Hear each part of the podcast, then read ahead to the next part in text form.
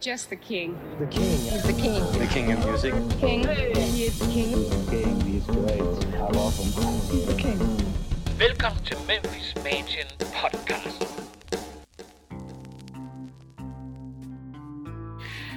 Vi skal snakke om, øh, vi skal sådan set bare skyde det hele af, eller ikke skyde det hele af, men skyde historien i gang. Det var Præcis. det, jeg prøvede på at sige. Lige præcis. Nemlig om Elvis' øh, øh, start i Tupelo, Mississippi. Mhm. Mm-hmm. Men inden vi gør det, så synes jeg lige hurtigt, vi skal introducere nogle af de der spillere i anførselstegn, som er med i hele den her historie, mm-hmm. som er vigtige i det her spil, nemlig Elvis' forældre. Ja. Prøv at fortælle lidt om øh, Gladys. Jamen, uh, Gladys hun bliver født den 25. april uh, 1912 i Pontotoc County i Mississippi og bliver døbt Gladys Love Smith. Og ved du hvad, Sabine, jeg er vild med det der love. altså, det er, det er, så- altså, uha. Jeg er sikker på, at det var tatoveringer up in time yes. der, så havde jeg set et stort uh, rødt hjerte med love. i. Præcis. Altså, what, what Lige do I know? præcis. Det gør også et eller andet for mig. Jeg synes, det er utrolig charmerende. Vernon, Elvis' far, Vernon Elvis Presley, og derfor bliver Elvis døbt Elvis. Det kommer mm-hmm. vi til. Vernon, han bliver født den 10. april 1916 i Fulton, Mississippi, og bliver døbt, som jeg lige sagde, Vernon Elvis Presley. Ja, tak. Øhm, Gladys og Vernon, de bliver gift i 1933. Øhm, og samme år, de bliver gift, der bygger Vernon med hjælp fra hans far og brødre en bolig til ham og Gladys på Old Satillo, Satillo? Satillo Road, ja. Yes, i East Tupelo for 180 dollars. Og ved du hvad, Sabine, der er noget rigtig sjovt omkring det her, fordi det er rigtig Gladys og Vernon bliver gift. Mm-hmm. Men i virkeligheden, så kunne den der konstellation komme til at se helt anderledes ud, fordi Gladys havde en søster, der hed Celeste, og øh, Vernon havde en bror, der hed Wester. Ja. Og de lavede faktisk sådan lidt en familiedate her, og crossdaten var egentlig, at Wester øh, datede Gladys til at begynde med, Ja. og Vernon datede Gladys søster Celeste til at begynde med. Er det rigtigt? Ja, men så fandt de ud af, at det var, Det, det, var ikke sådan, kortene skulle ligge. det var ikke sådan, kortene skulle ligge. Og hvor er det dog en dejlig historie. Det er det faktisk. Altså, og øh, det vil sige, at øh, de skifter. Mhm. Mm-hmm. Alle skifter på den her station. og øh, Vernon øh, og Gladys øh, bliver parret. Og øh, Celeste og Vester bliver også gift. Okay. Og er, er i virkeligheden sammen. Øh, det er en anden historie. Vi kommer sikkert tilbage til det i et mm. andet afsnit. Men øh, Vester kommer jo til at være, være vagt på Graceland Præcis. i fremtiden. Men det Yes. tager vi senere. Nu er vi i Tupelo. Mm-hmm. Og øh, Gladys og Vernon har bygget det her hus, som er et lille bitte hus, som i virkeligheden er et lille bitte hus, for det er kun i alt 45 kvadratmeter 45? med veranda. Ja, der var ingen elektricitet. Mm-hmm. Fordi det var sådan noget, man havde i, i hvad hedder det, en, en lille olielampe, eller... Mm-hmm. Øh, Og en brændeovn og, alle de der og gode ting. og sager. yes, lige præcis. Der var ingen rindende vand. Så det der med et badeværelse og et køkken, mm. jamen det var sådan noget intimistisk noget. Det var sådan noget, man klarede. Man var ude i brønden og hente vand. Altså, prøv at her. Det her, det har bare været et shelter. Mm. De var stolte af det her hus, øh, som de jo bygger. Og øh, hvor de egentlig låner pengene. Og hvor planen var, at, øh, eller Vernon låner de her 180 dollar, og planen var, at når de var betalt af, så huset deres. Men øh, så langt kommer det desværre Nej, aldrig. det, det kunne jeg godt lidt, eller kan, ved jeg jo godt lidt i forhold til, til historien, men vi kan jo allerede nu kan vi jo godt slå fast, at de kommer fra Trængekår, de, de var fattige. Ja. Øhm, det var hårdt arbejdende mennesker øh, allerede nu her, inden at øh, Elvis Presley han, øh, han kom til verden, Ja. øh, og fortæller jo rigtig meget om, hvad for en opvækst Elvis han har haft, som vi også kommer tilbage til senere i programmet. Ja, præcis. Men lad os, skal vi ikke bare springe i det med Jo. Elvis? Øh, alle, øh, som lytter med nu her, som har en lille smule indsigt i Elvis, er godt klar over, at vi skal frem til den 8. januar 1935. Mm-hmm. Elvis, og nu kommer der måske noget, som ikke alle ved. Jeg ved rigtig mange ved det, men mm-hmm. det kan ikke være, ikke alle ved det. Men han havde faktisk en bror. Mm-hmm. Elvis og hans bror øh, bliver født. Jesse bliver født først, men er død. Og øh, altså er dødfødt. Mm-hmm. Øh, og, og, men han får selvfølgelig et navn, Ja. fordi det, det gør man. Yes. Øh, og han blev døbt øh, Jesse Garon Presley. Mm-hmm. Og Elvis, øh, som kommer en lille smule efter, øh, af gode grunde her, kan man sige, han, er, han bliver født sund og rask, mm-hmm. og han bliver døbt Elvis efter sin fars mellemnavn, og Aaron Presley. Og både det der med Garen og Aaron, Ja, der er et eller andet... det er religiøse navne, mm. som øh, familien tog ind. De her var, den her familie var dybt religiøs, mm. og, religion betød meget for dem. Det var en væsentlig ting af deres dagligdag, og, øh, og, og det skal man altså huske at tage til indtægt. Mm-hmm. Men man skal også huske, at den her familie øh, var ekstremt fattig. Jeg ved godt, vi har sagt det før, vi kommer sikkert til at sige det mange Men, gange men det igen. har bare så meget at gøre med, hvordan Elvis også blev senere hen i sit liv. Præcis. Øh, men det får jeg også meget med at vide, om igennem den her podcast. Men nu ligger vi ligesom den her ground line, Yes, øhm, at Elvis han tog altså aldrig nogensinde noget for givet i sit liv. nej. Han, og, og, og lærte at være taknemmelig yes. Til trods for, at tingene gik, som de gjorde.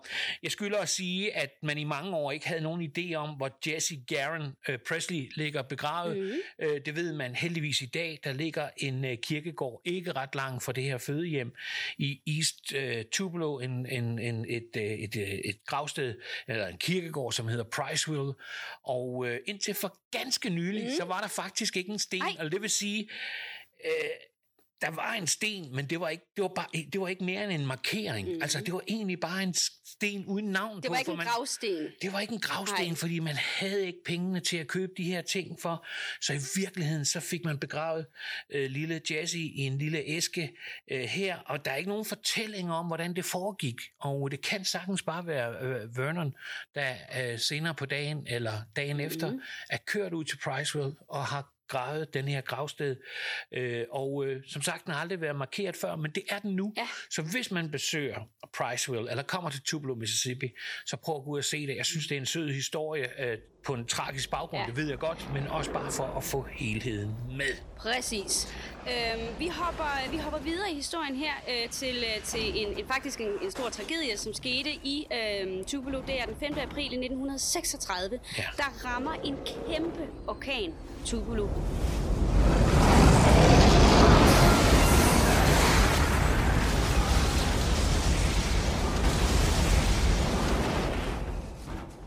...235 mennesker dør, og 350 bliver skadet.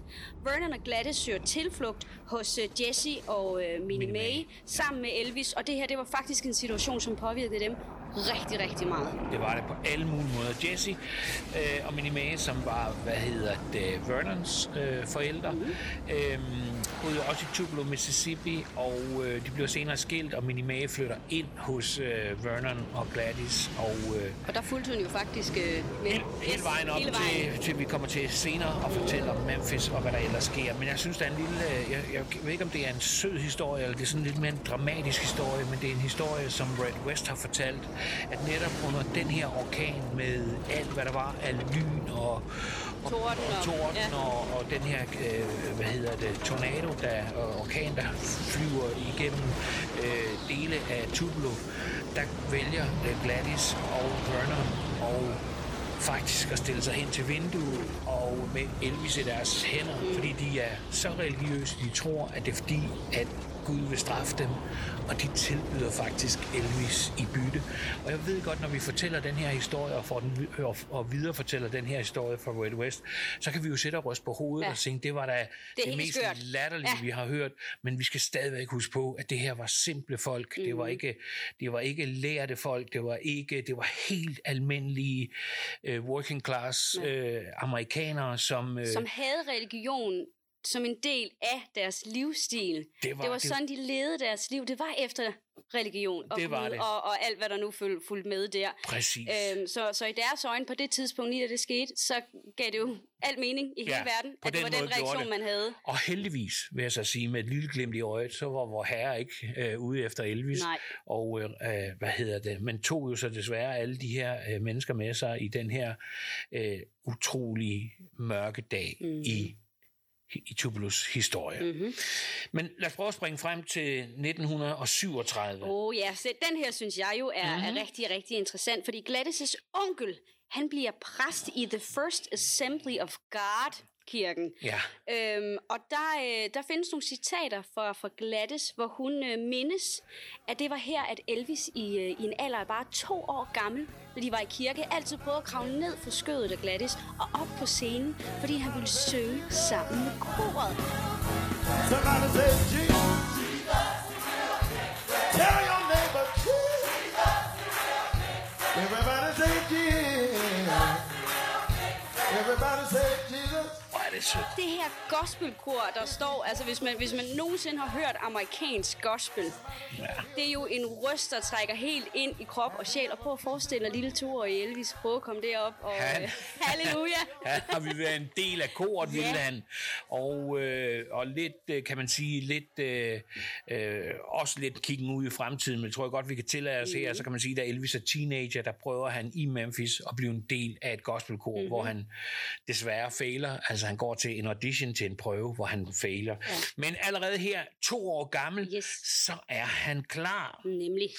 I 1938... Det er interessant, det her, Ja, Henrik. lad os prøve at høre. Mm-hmm. Ver- Jeg prøver at fortælle det. Ja, nej, skal jeg sige det? Ja. Yes. Uh, Vernon og hans bror Travis, de får en dom uh, på tre år for dokumentfalsk. Ja, efter de har ændret beløbet på en check på 4 dollars. Wow. Ved man, hvad, hvad de ændrede beløbet til? Øh, altså, jeg har, jeg har hørt alt fra, at man puttede et et-tal foran, så det blev 14 dollar. Ja. Jeg ved, at de gjorde det for at komme til at betale for nogle regninger, yes. De ikke havde penge nok til. Mhm. Altså, de var presset. Øh, det er selvfølgelig ikke nogen undskyldning. Man skal ikke lave dokumentfalsk, og dog og der er slet ikke i Amerika, Nej. når man tænker på, hvad blev dommen? Altså, dommen blev jo, at de begge to skulle afzone tre år i uh, The Mississippi State Penitentiary. Ja. Øhm, men, øh, men Vernon bliver faktisk øh, heldigvis, kan man sige, allerede øh, løsladt i februar i 1939. Så han tog ikke sine tre år. Nej, For god, og- det var god opførsel. Og det var på, primært på grund af god opførsel. Ja. Men vi ved også fra forskellige dokumenter, at Gladys faktisk gør sit arbejde. Hun sidder i Tupelo og vil mm. gerne have sin øh, far hjem. Hun skriver sågar breve, hvor hun fortæller, hun sidder her med deres øh, øh, only child og, ja. og fortæller, hvor meget hun har brug for at få sin mand Kæmper hjem. og stræber, og øh, Helt ja, regninger skal betales, og der skal mad på bordet. Hun laver sågar en underskriftindsamling Er i nabolaget. Se, på, det vidste jeg ikke. Nej, på at øh, se, om hun kan, kan påvirke de her øh, øh, ordensmagten mm. for at få Vernon øh, ud af, af det her fængsel. Og det lykkes hende jo faktisk, øh, fordi han kommer ikke til at sidde i, øh, i tre, Nej. tre år. Øh, han har, så vidt jeg husker, øh, et halvt år eller lige deromkring. Mhm, Mm. Og så kommer han ud igen, som du siger, primært på grund af god opførsel. Sådan. Øhm, og, Og, ja, man kan sige, at den periode, Vernon han var, var i fængsel, der kæmpede, som du lige sagde, der kæmpede Gladys jo mm. med at få tingene til at køre rundt som, som enlig mor, øh, og både skal have arbejde og passe på Elvis og, og, og passe hus og familie. Ja. Øhm, og de mister jo faktisk huset. og de mister huset. Ja, og, hun, Og- og hun, søger, hun søger, hvad kan man sige, øh, tryghed og øh, ro og, og finansiel stabilitet mm. ved at flytte ind med sin familie. Præcis, præcis. Elvis begynder at, øh, at gå i skole. Mm, det gør Og- han i 1941. Ja, og det, og det er ikke ret langt fra, hvor han... Øh, Bror? hvor, hvor de faktisk, hvor, hvor det her barndomshjem er, mm. og øh, den hedder Consolidate School, Yes, hvad hedder den? East Tupelo Consolidated School, School, ja. hedder den. Meget langt fancy ord Ja. for, en, øh, for en, en børnehave, skulle jeg næsten til at sige. Præcis. Og samtidig med det her, så, så er jeg lige nødt til at fortælle lidt, fordi man kan sige, nu har vi fortalt, at Elvis finder meget inspiration i at komme i kirken. Mm. Og, øh, og øh, hvad hedder det? Kirken fylder meget, og det gør de i hele den her periode, vi fortæller om. Ja. Øh, I Tupelo gør, og kommer også til at gøre det senere, øh, når, de, når de flytter nordpå. Men, men, det, men det fylder rigtig meget her. Så gospelmusikken var en stor inspiration til hans senere musikalske karriere. Men der var også noget andet, mm. for der var et område i Tupelo, ja. øh, lidt tættere på downtown Tupelo, med, faktisk mellem centrum af Tupelo og East Tupelo, et område, der hed Shack Rack. Ja. Og øh, Shack Rack var et sted, hvor de, øh, hvor de fattige sorte levede, mm. fordi at, altså afroamerikanere hedder det jo i dag. Øh, og det var simpelthen et område, fordi dengang var det meget adskilt. Mm. Altså man brugte utrolig mange kræfter på at sige, ja, men vi kan ikke, vi kan ikke blande raser, og det var en Ja. grum tid Ja, det var og det en altså. grim tid. Men det her viser lidt om Elvis Presley, fordi han elskede at stikke af. Han vidste godt, at han ikke måtte for sine forældre. Jeg tror egentlig ikke, at det gik ah, alt for meget op i dem, om, om det var øh, sorte eller hvide, men det gik bare op i, at man kom ikke i det område, øh, og, øh, men Elvis gjorde det. Han stak af med sine øh, kammerater en gang imellem, og grunden til, at han godt kunne lide at være i det her område, det var, at der var nogle gode legekammerater, men der var også musikken. Ja. For der sad mange ældre øh, musikere, som øh, måske ikke øh, var mere en hygge øh, Mhm. musikere, men havde bygget deres egne instrumenter. Sad, ud- sad de på gaden? De sad på verandaerne, Ja. og så sad de og sang de her blues-sange. Så du kunne som- simpelthen gå ned ad gaden? og så kunne du høre dem jamme og synge til hinanden og, Og så videre. så videre. Ja, ja, men det er helt fantastisk. Og her, der hørte Elvis altså sange om tabt kærlighed, smerte, øh, dårlig økonomi, eller hvad ved jeg, og også en god kærlighedssang en gang imellem. The Blues? Men The var Blues Det. var en god del af hans opvækst, i hvert fald mens han var i Tupelo. Mhm. Mm-hmm. Og vi ved jo, at han aldrig slap den, fordi han senere i sit liv havde blandt andet en rigtig god ven, der hed B.B. King. Præcis. Then it told you free. I wants me a diamond ring. Then it told you free. I wants me a diamond ring. Men lad os prøve at øh, springe lidt frem igen. Nu skal vi til den 16. maj 43. Og det skal vi nemlig, ja. og øh, her der flytter hele familien faktisk fra Tupelo. De flytter til the Mississippi Gulf Coast Ja. sammen med Vernons fætter Sales og Sales øh, kone Annie. Her begynder han at arbejde for Moss Point Shipyard. Mm-hmm. Øhm, men han siger faktisk op allerede den 20. juni, det var den 16. maj, vi startede. Ja. 20. juni, der siger han faktisk op, og der flytter familien tilbage til Tupelo øhm, på grund af, af hjemvej, og fordi de savnede øhm, deres familie. De savnede familien Ja, og hjemved. og det er tror jeg... bånd. Ja, det, Det det også fortæller også meget bare lidt om, prøv at høre her, øh, tingene blev ikke lettere. Selvom man tog ned til øh, the Gulf Coast, eller mm. til, til, hvad hedder det, til kysten mm. dernede, øh, ved den meksikanske golf, så, øh, så blev tingene ikke lettere. Det var, det var stadigvæk svært, og det var stadigvæk små lønninger. Hårdt arbejde og, og, og små lønninger. Det er Ja. jo, altså, det Det er kan godt være, det var, var, måske var nemmere at finde arbejde, men, men det er jo det samme udfald ja. i sidste ende. Præcis. Ja. Så lidt over en måned efter, så kommer de tilbage mm. til, øh, hvad hedder det, til Tupelo, og øh, man kan sige, at de næste år går igen med bare at øh, have dag til dag daglejerarbejde, Yes. tror jeg, man kalder det, og det gik for både Gladys og for Vernon. Ja, for Gladys var også i arbejde i al den her tid, ikke Hun også? prøvede i hvert Ja. fald i lange perioder øh, at være en del af, af, af, hvad skal man sige, kapitalstyrken her, øh, hvis man kan kalde det det, fordi Mm. der var ikke meget kapital i. De var absolut i de lavest lønnede, øh, i den lavest lønnede kategori Mm. af, af arbejderklassen i USA på det her tidspunkt. Men, men tiden går, og tingene gør, Ja. som de gør. Ja, Øhm, så, men så sker der i 1946. Henrik. Heldigvis for os alle sammen. Yes, Ikke? noget ikonisk. Ja, yes, den 8. januar 1946, der beslutter, hvad hedder det, Gladys sig for at tage Elvis med til Tupelo Hardware Store. Mm-hmm. Øh, han. Som stadig findes den som dag i dag i Tupelo. findes den dag. Og hvis man kommer til Tupelo, så må I love jer selv at gå ind og se yes. den her øh, isenkrammer, fordi den er simpelthen så øh, klassisk. Den er old school. Det er sådan et sted, hvor man kan åbne en skuffe, og så kan man tælle øh, otte skruer op, og så går man op på en vægt, og så betaler man for yes. de her skruer. Øh, og man kan også købe et helt hus, hvis man vil. De sælger simpelthen alt, og det gjorde de også i 1946, mm-hmm. hvor, øh, hvor, Gladys, øh, hvor Gladys ender med at købe Elvis sin første guitar. Det var en brugt en af slagsen. Elvis ville både have jagtriffel og cykel og alt muligt i stedet for. Alt det, drengen gerne vil have. Alt det, drenge Ja. rigtig gerne vil have. Men det ender heldigvis for os alle sammen med en uh, akustisk guitar, mm. en brugt en af slagsen. En guitar, som familien ender med at betale lidt af på over en periode, for de har simpelthen ikke råd til den her gave, men de ville jo også gerne gøre deres dreng øh, lykkelig. Mm. Og den her guitar kommer til på alle måder at få en flot betydning ja. i Elvis' musikalske karriere fremadrettet. Lige præcis. Øhm, vi hopper over til september i 1946. Her der starter Elvis i Junior High School i Tupelo. Det er altså her nu, det, det rigtig begynder. Ja, ja, nu Øhm, begynder det at blive... Øh, og, øh, og bliver faktisk, øh, han, han, han bliver husket af hans klassekammerater junior high. Det er altså lige inden du bliver teenager. Du er lige den her gråzone og Ja, ved ikke rigtig, hvem du 11 er, hvad du skal. gammel, yes. Lige præcis. Øh, men de husker ham som en person, der holdt sig for sig selv og ikke rigtig passede ind. Noget, som egentlig også kommer i high school, øh, har vi også hørt nogen omtale om, at han var lidt sin egen. Ja, Og det var han også allerede i junior high. Ja. Øh, men en anden ting, de også husker Elvis for, det var hans passion for musik. præcis. Mm. Øh, og øh, nogle af de ting, der blev husket, det er blandt andet, at øh, han havde en kammerat i skolen, hvis forældre var en lille smule bedre stillet, end øh, familien Presley var, og de havde en radio. Mm. Og øh, første gang Elvis han rigtig lytter til radio, det er hos ham, og øh, et af de programmer, der er jo mange programmer, han kommer til at lytte til, men et af de helt store programmer, øh, som, øh, som øh, vi ved, han brugte utrolig meget tid på, det var et radioprogram, som stadigvæk findes den dag i dag, der hedder Grand Ole Opry. Mm-hmm.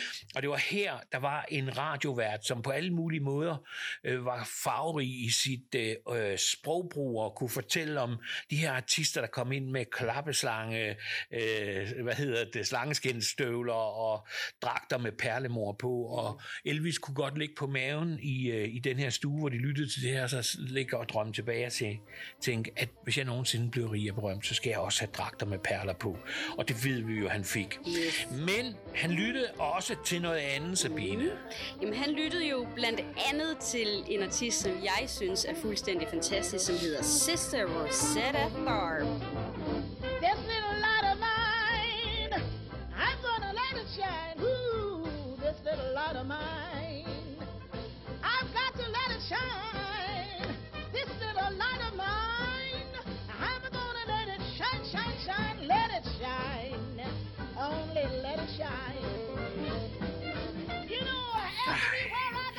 Ved du hvad, vi har lige her i går faktisk, Ja. da vi sad og snakkede om det, jeg lige gået ind på, på Facebook og lyttet til hende, Yes. og prøv nu at høre her. Ikke bare en stemme, men sikkert en uh, musikalitet, mm. og sikkert en personlighed. Og jeg kan sagtens forstå, at den her teenager Elvis har lyttet til den her voksne kvinde med den uh, sprøde stemme. Ja, den var og, rå. Og den, Den var, var rå, rock and roll. Det var den. Men den var også gospel, den var også blues, mm. den var også jazz, den var måske også en lille smule country en gang imellem. Hun Ja. kunne det hele. Ja. Øhm, så jeg kan godt forstå, at hun kom helt ind under huden på, øh, på Elvis, da han var en lille knægt, og tænkte, det der, det kan noget. Ja, og øh, jeg er helt med, og øh, jeg, jeg synes, at når man, især når man lytter til hende, at det giver rigtig god grund. Øh, men der var også... Øh, der var også Tupelo Slim. Tupelo Slim. Well, I read in a book. I uptown. A smoking man, they say, as long as it's brown. It says he's dying by degrees. Wide open to every disease. Get away from me, man. With the coffin nail. Det er rigtigt, han var også- der også. Fordi både ham og, og, og Rosetta kunne høres på den lokale radiostation, der hed WELO. I, WELO. i, hvad hedder det, i Tupelo, Mississippi. Mm. Og, øh, og øh, faktisk så møder Elvis Slim, øh, som var et relativt stort idol for ham, mm. øh, en country western sanger. Sådan. Så introduktionen, den er i hvert fald, øh, hvad hedder det, på plads, og man kan sige, at øh, hvis vi bare lige springer lidt frem, så ved vi, at øh, i 1947 begynder Elvis at øh, tage sin guitar med i skole hver dag. Det begynder at betyde noget for ham. Ja, nu er- begynder det at udvikle sig for ham, øh, det her med at have musik med i sit liv. Ja. Hver dag. Prøv at tænke sig, at han tog sin guitar med. Og hvad gjorde han egentlig, når han tog sin guitar med i skole? Jamen, så sad han jo og spillede, men han spillede primært sådan nogle country western sange, mm. men han kunne spille stort set hvad, øh, også lidt gospel, hvis det var det, det kom an på. Og der var vist noget med, at øh, tøserne synes vist egentlig, at han var lidt sød, når han sad der under træet i skolegården og, øh, og spillede på sin guitar. Ja, lige præcis. Ham var de vilde med. Og øh, så, så stopper eventyret jo faktisk Ja, her, i hvert fald i Tupelo. Det eneste, hvis jeg synes, vi lige mangler at fortælle, Ja. det var, at, der i, øh, at man havde noget, der hed Mississippi State Fair. Ja, oh, ja, og da selvfølgelig. Elvis er, er, er øh, de der 10-11 år gamle, så deltager han i en konkurrence, mm. som i flere bøger igennem årenes løb har stået som om, at han vandt second prize. Ja. Men det gjorde han ikke. Han, øh, han kom lidt længere ned ad listen, men han deltog i den her konkurrence. Han kommer også i den lokale avis for at have deltaget i konkurrencen og for at have vundet en lille pris, hvor han kunne bruge nogle, øh, nogle dollars til at prøve nogle af de rights, der var i det her. Tivoli, som også var en del af Tupelo State Fair. Øh, det her er jo så grundlæggende, kan man sige, øh, den væsentligste historie, som vi har taget med mm. på Elvis og hans tid i Tupelo. Der er mange facetter i det. Der er mere, der kan dykkes ned i. Vi kommer sagt måske til at gå tilbage igen, eller det ved jeg, vi gør. Vi kommer til at gå tilbage til nogle andre ting i forhold til Tupelo, og hvad der skete, og hvad der inspirerede ham, og hvad der blev sagt og gjort. Fordi øhm, du har jo mødt nogle mennesker. Ja, Guy Harris, som var en af, af skolekammeraterne fra, fra, fra den her tid, fortalte jo om en ung fyr, som, øh, som, øh, eller som en teenager, en legekammerat, mm. som var dedikeret ind til musikken, men også var vanvittigt høflig. Han var den her yes ma'am, no ma'am. Han var Sød absolut, han var opdraget ordentligt. Han mm. kom fra en ordentlig, godt være, at de ikke havde meget, mm. når det kom til øh, hvad hedder det, økonomi og, og velfærd. ting og så Præcis. videre, ja. Men de havde anstændigheden. Mm. De havde anstændigheden i, at, at vi var troende, og vi opfører os ordentligt, når vi øh, bevæger os rundt i Har det respekt offentlige for liv. andre mennesker. Præcis. Og det ser man jo også øh, gå igen i Elvis' voksenliv. Øh, Præcis. han havde altid sindssygt meget respekt for, for de mennesker, Han- der var omkring ham. Han holdt en god tone. Ja. Det gjorde han. Nå, men efteråret 1948, så beslutter familien Presley sig for at søge lykken. Sådan en halvanden times kørsel nord for Tupelo, Mississippi. Men hvis du har lyst til at høre mere om det, så er du nødt til at øh, tjekke ind, når vi om et, nogle dage lægger et kapitel mere ind i vores Memphis Mansion podcast. Vi Tak for i dag. Ja, tusind tak for i dag, og tak fordi I lyttede med alle sammen. Vi ses. Det gør vi. Hej.